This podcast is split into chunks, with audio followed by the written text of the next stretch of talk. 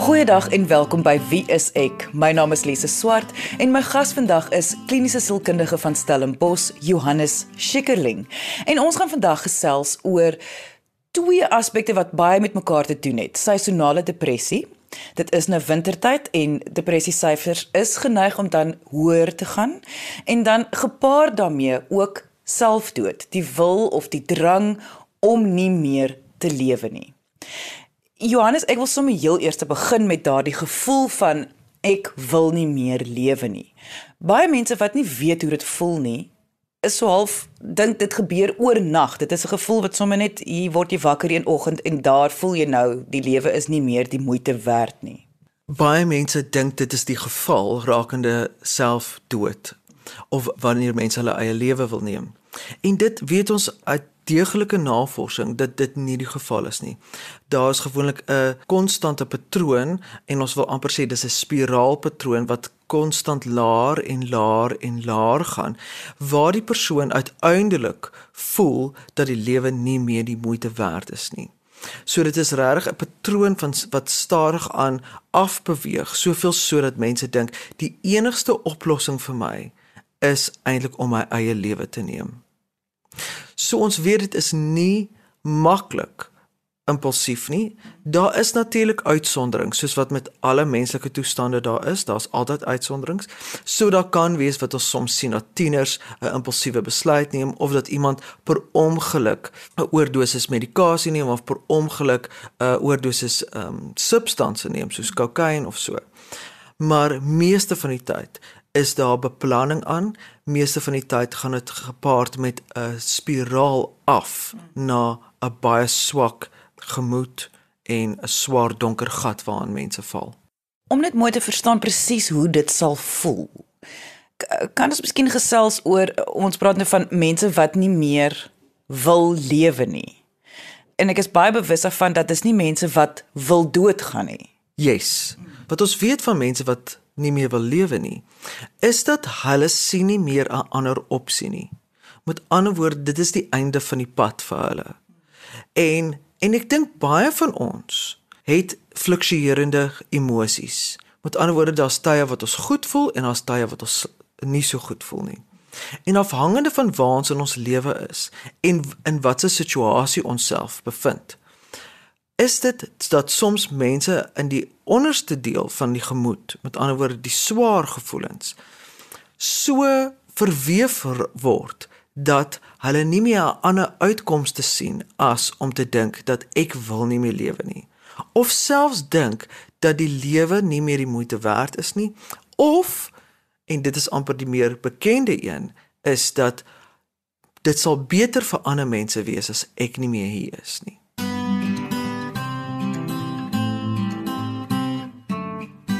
Ek weet nie hoe regverdig hierdie vraag is nie, maar hoe realisties is daardie gevoel? Ons weet dit is eintlik nie 'n realistiese gevoel nie. Want ons weet dat enige iemand se lewe is eintlik baie werd. En ons wil eintlik hê dat daai persoon hulle self help en dat daar 'n omgewing is wat hulle kan help om uit hierdie swaar situasie uit te kom of uit hierdie swart gat uit te kom dit is wel vir hierdie mense baie baie moeilik. Want hulle het tot 'n konklusie gekom dat dit is die enigste opsie. Of dit is die beste opsie soms.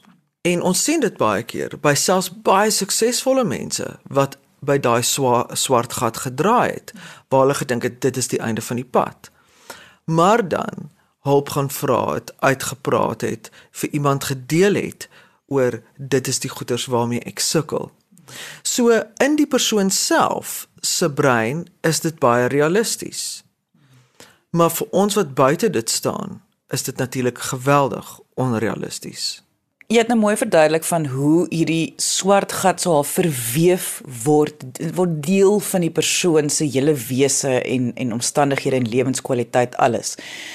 Nou wat veroorsaak dit? Dat mens met hierdie spiraal afgaan en tot in hierdie verweefde donker gat kom. Ons sien dit kan twee dinge wees. Een dit kan omstandighede wees. So ons sien dat mense wat in moeilike omstandighede is. Met ander woorde finansiëel gaan dit baie swaar of met hulle gesondheid gaan dit baie swaar of hulle sien geen uitkoms in hulle omstandighede nie. Ek is werkloos, ek gaan nooit 'n werk kry nie. Ek is al te oud om vir 'n werk aansoek te doen en dit is die tipe spiraal waaraan hulle afgaan waarby hulle dan by die konklusie uitkom. Dit is dan beter net om te gaan. Die ander is eintlik dan 'n gemoedsteurnis. En dit is wanneer iemand so sleg voel, maak nie saak wat goed in hulle lewe gebeur nie.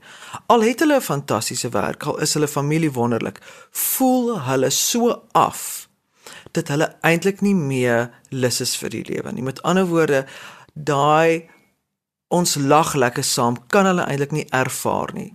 So hulle het so swaar gemoed en dit is so donker gat waarin hulle is. Dit maak maak nie saak al gewen hulle die lotto. Is dit vir hulle moeilik om daai opgewondenheid of daai gelukkige gevoel te ervaar? En dit is ook wanneer hulle dan voel, "Jesus, maar is die lewe dan nog die moeite werd?" As jy nou sê gemoedsteurnis, is is dit dan nou waarmee spesifiek praat van depressie of is daar ander steurnisse wat ook kan lei tot selfdood. Hoofsaaklik kyk ons na depressie. Ons kyk ook baie keer na angs want wat baie keer met angs gebeur is dit lei na 'n depressie. Met iemand iemand wat lankdurig angstig is, word dan depressief want hulle sien nie meer hoop nie. Want alles voel vir hulle gevaarlik en dan wil hulle opgee. Ons sien ook dit kan gebeur wanneer daar intense, erge en langdurige trauma was. So mense kan dit sien by mense wat byvoorbeeld posttraumatiese stresssindroom het, dat hulle ook voel daar is nie meer rede om te leef nie. Die trauma is te erg. Ek wil eintlik nie deur die pad van herstel gaan nie want ek sien nie hoe dit my gaan baat nie. So mens kyk hoofsaaklik na hierdie drie kategorieë as dit kom by iemand wat nie meer wil leef nie.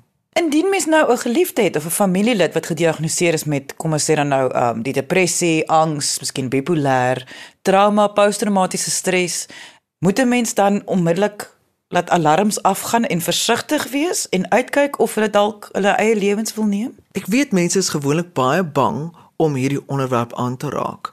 En daar soms uh, mense wat glo dat sodra jy die woord noem, dan sit jy die gedagte in iemand anders se kop. Hmm. Ons glo die teendeel. Dat hoe gouer jy eintlik daaroor begin praat, hoe beter, want dan kom dit op die tafel en dan kan iemand eintlik regtig daaroor praat. Die gevaar hierso is dit as dit die geheim bly.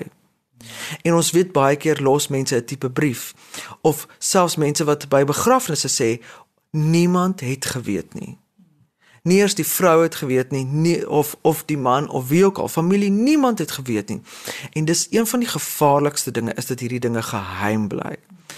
So indien jou familielid sukkel met sekere goed, sal ons voorstel sit dit op die tafel. Vra vir hulle, het jy gedagtes om jouself uit te neem? Het jy gedagtes dat die lewe nie meer die moeite werd is nie? sodat daar 'n openlike gesprek daaroor kan wees. Sodat as die persoon daai gedagtes het, dan weet hulle jy is een van die min persone of 'n persoon met wie hulle kan praat en sê, "Jesus, ek dink daaraan." Of ek wonder daaroor. En dat mens dan daardeur praat. Dit moenie 'n taboe onderwerp wees nie. Jy luister na Wie is ek op RCG 100 tot 104 FM. Nou aan die begin het ek genoem dat uh, dit is nou wintertyd in Suid-Afrika en daar is 'n tendens van seisonale depressie wat dan gewoonlik uitkom. Kan jy dalk net vir ons 'n bietjie meer verduidelik van wat presies is seisonale depressie? Seisonale depressie is vir die eerste keer gediagnoseer in die noordelike halfrond waar hulle 'n baie intense en lang winter het wat ook baie donker is. En daar het hulle gesien dat mense in die somer se gemoed is baie hoër as wat dit is in die winter. So ons kyk letterlik na die seisoene en van van weer die naam seisonale depressie. Ons sien dan die toename van lae gemoed in 'n tyd wanneer dit donker, nat, koud en waar mense meestal in huisig is. So waar hulle gewone hanteringsvaardighede eintlik van hulle af weggeneem word. En mense het dit self nou gesien in die Grendelstaat waar mense se gewone hanteringsvaardighede, veral iemand wat sportief is, jy weet wat sport gebruik as 'n hanteringsvaardigheid, waar hulle baie swaar gekry het en skielik dan ook in 'n depressie verval want hulle kan nie hulle gewone hanteringsvaardighede benut nie. So dan sien mense dat mense dan vir daai tydperk in 'n in 'n lae gemoed val. Hulle val in 'n depressie waar hulle nie uh so goed kan omgaan met dit waarmee hulle kan omgaan wanneer die son skyn, wanneer dit lekker is, wanneer hulle sport kan beoefen, wanneer hulle kan baie sosialiseer ensovoorts nie. So dit is waar seisonale depressie dan vandaan kom. So sê jy sê mens moet dan in hierdie tyd selfs is mens nie geneig tot 'n laer gemoed nie. Die kombinasie dan van COVID-19 en winter wat nou hier begin. Dit dit voel vir my is nogal 'n slegte kombinasie nou. Dis 'n besonderse slegte kombinasie. En ons sien regtig dat mense daar daarmee sukkel want hulle kan nie meer hulle gewone hanteringsvaardighede uh, benut nie.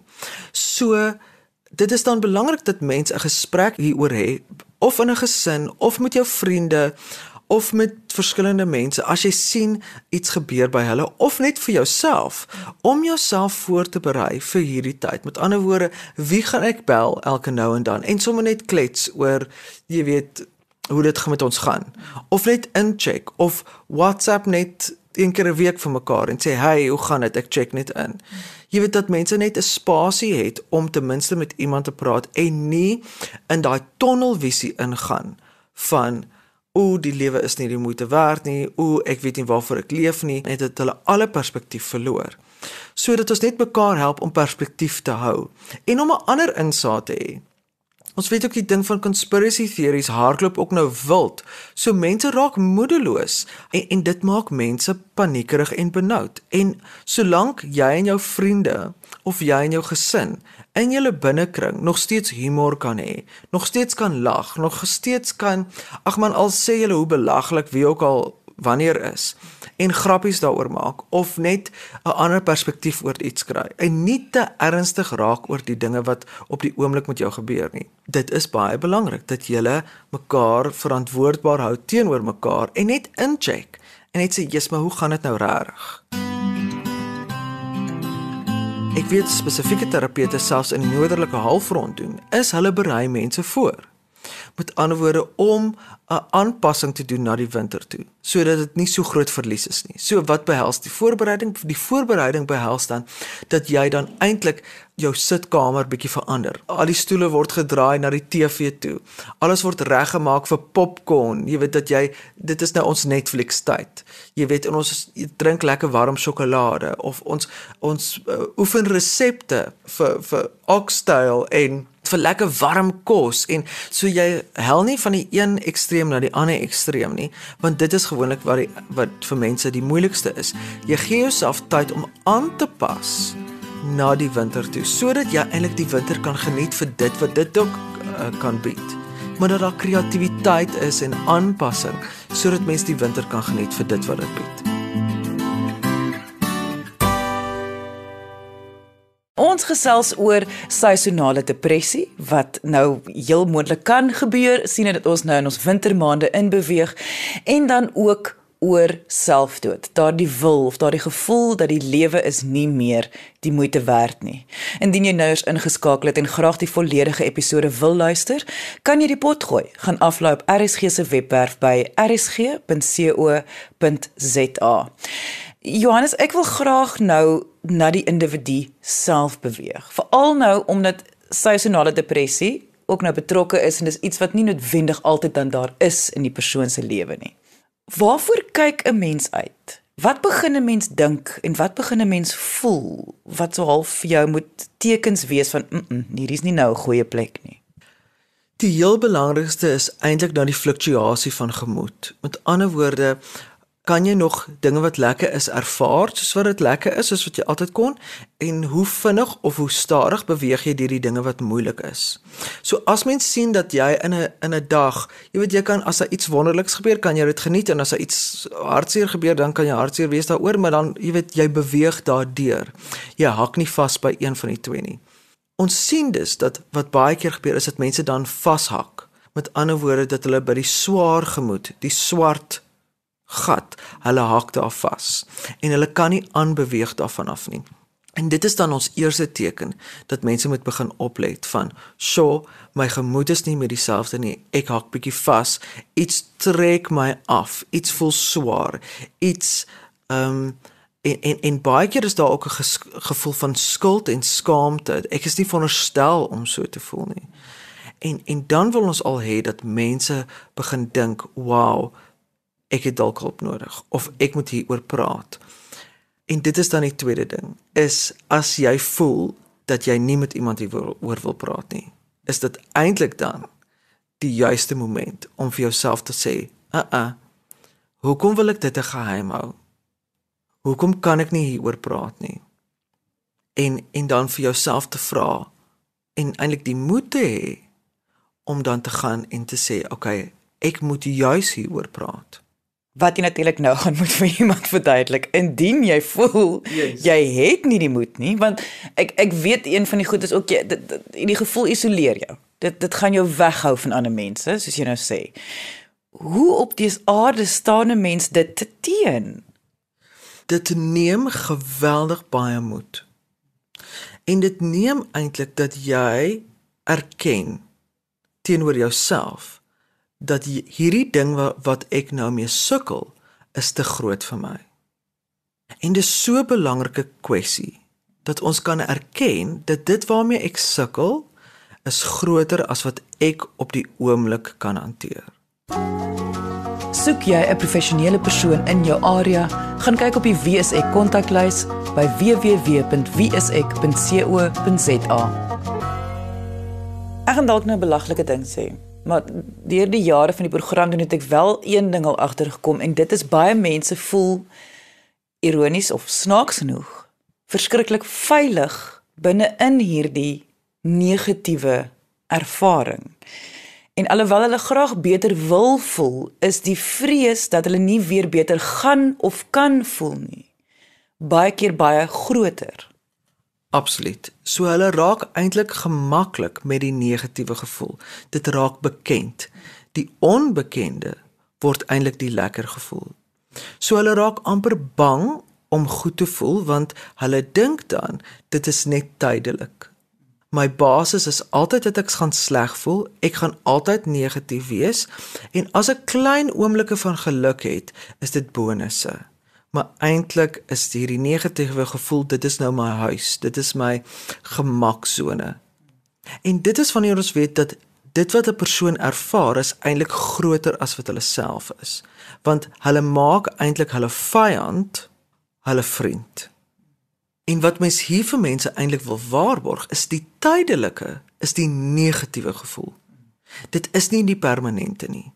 Wat permanent is is dat jy altyd in jou lewe gaan goed voel en jy gaan altyd in jou lewe sleg voel. Dit is permanent. Die vloei daarvan, dis soos 'n rivier. Dit moet aanhou vloei. Ja, jy gaan goed voel en ja, jy gaan sleg voel. En dis die die enigste waarborg wat ons as sielkundiges vir mense kan gee is dat jy gaan sleg voel en jy gaan goed voel, maar jy moet aanhou om sleg te voel en jy moet aanhou om goed te voel. Niemand daarvan moet vashak nie. Dit moet vloei soos 'n rivier. En dit is baie belangrik. Dat jy nie vashak by een van die twee nie. En dis natuurlik wat hulp dan vir iemand bied, is om aan te leer hoe om daardie vloei te bestuur. Presies. Dit is presies wat die hulp aanbied, is dat jy nie vashak vir al by die negatiewe nie. Dat jy kan deur dit werk na die volgende ding toe. En die belangrikste daarvan is dat dit moet uit. Dit moet erken word en dit moet uit. Want dit is die enigste manier. Dit is soos water wat gekeer word, wat gedam word, né? Nee? En dan vloei dit op, vloei dit op, vloei dit op en of die dam breek of ons maak stelselmatig die die sluys oop en ons laat dit uit sodat die rivier weer kan bly vloei. Sodat ons nie vashak met dit is die einde van die pad nie. Want daar is eintlik nie 'n einde van die pad wat emosies betref nie. Dit gaan aan, dit bly beweeg. En of dit nou na 'n negatiewe kant toe beweeg en of dit nou na na 'n positiewe kant toe beweeg, dit maak nie saak nie, solank dit beweeg.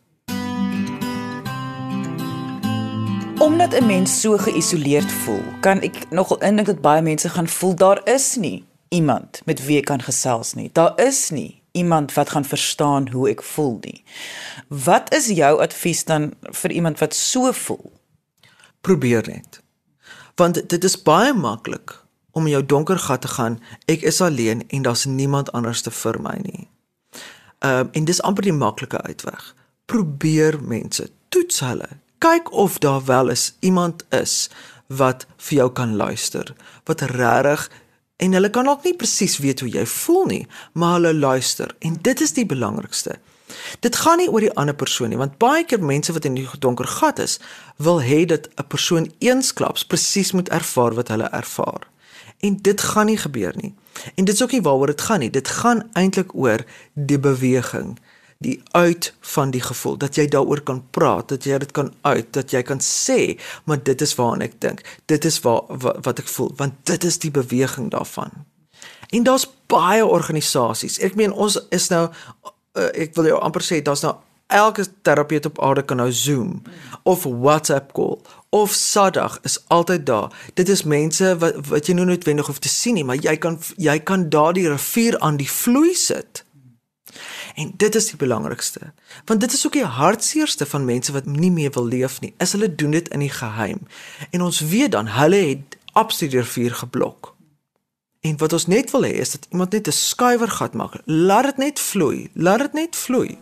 En daar's altyd iemand waarmee jy kan praat, waar jy dit net kan laat vloei. Jy luister na Wie is ek op RSG 100 tot 104 FM. So Johannes sê jy met ander woorde eintlik vandag dat die gevoel van ek wil nie meer lewe nie of die lewe is nie die moeite werd nie is iets wat teengestaan kan word. Dit is nie so groot as wat iemand dink dit is nie. Op daai oomblik voel daai persoon en het dit hulle het hulle tot 'n konklusie gekom dat dit die einde van die pad is. Dit is nooit. Dit wat jy nou ervaar, gaan nie vir ewig bly nie. Dit is tydelik. Dit is nie vir altyd nie. Daar is altyd 'n oplossing daar's nie 'n onmiddellike oplossing nie, maar daar is altyd 'n oplossing vir dit wat jy nou ervaar. Dit lyk nie vir jou so nie. Maar die rivier vloei. En daar's fantastiese verhale van mense wat by selfdood omgedraai het om 'n enorme sukses van hulle lewe te maak. Hulle het toe nie gesien wat gaan gebeur nie. En in daai oomblik was hulle hulle baie intens en hulle het geglo dit is die enigste opsie, maar dit is nie. En enige iemand wat nou sien dat iemand sukkel, hulle self isoleer, wat 'n swaar gemoed is of nie eers hulle ou self nie, of wat self sien iemand is vasgevang in 'n tipe lae gemoed, ruik uit en luister na daai persoon jy hoef net 'n klankbord te wees. Help hulle net om die rivier aan die vloei te kry. En dan sal jy al genoeg doen om daai persoon 'n groot guns te doen. Dit was kliniese sielkundige van Stellenbosch, Johannes Schikkerling. Indien jy enige vrae het, onthou jy kan ons kontak deur ons webwerf by www.wieisek.co.za of kom gesels saam op ons Facebookblad onder Wie is ek SA. Ek gesels ook met sielkundiges nou daagliks op Wie is ek live juis op hierdie Facebookblad so kom gesels saam. Baie dankie dat jy vandag ingeskakel het. Ons maak weer so volgende Vrydag 12:30 net hier op RSG. Jy moet 'n heerlike naweek hê en onthou, kyk mooi na jouself.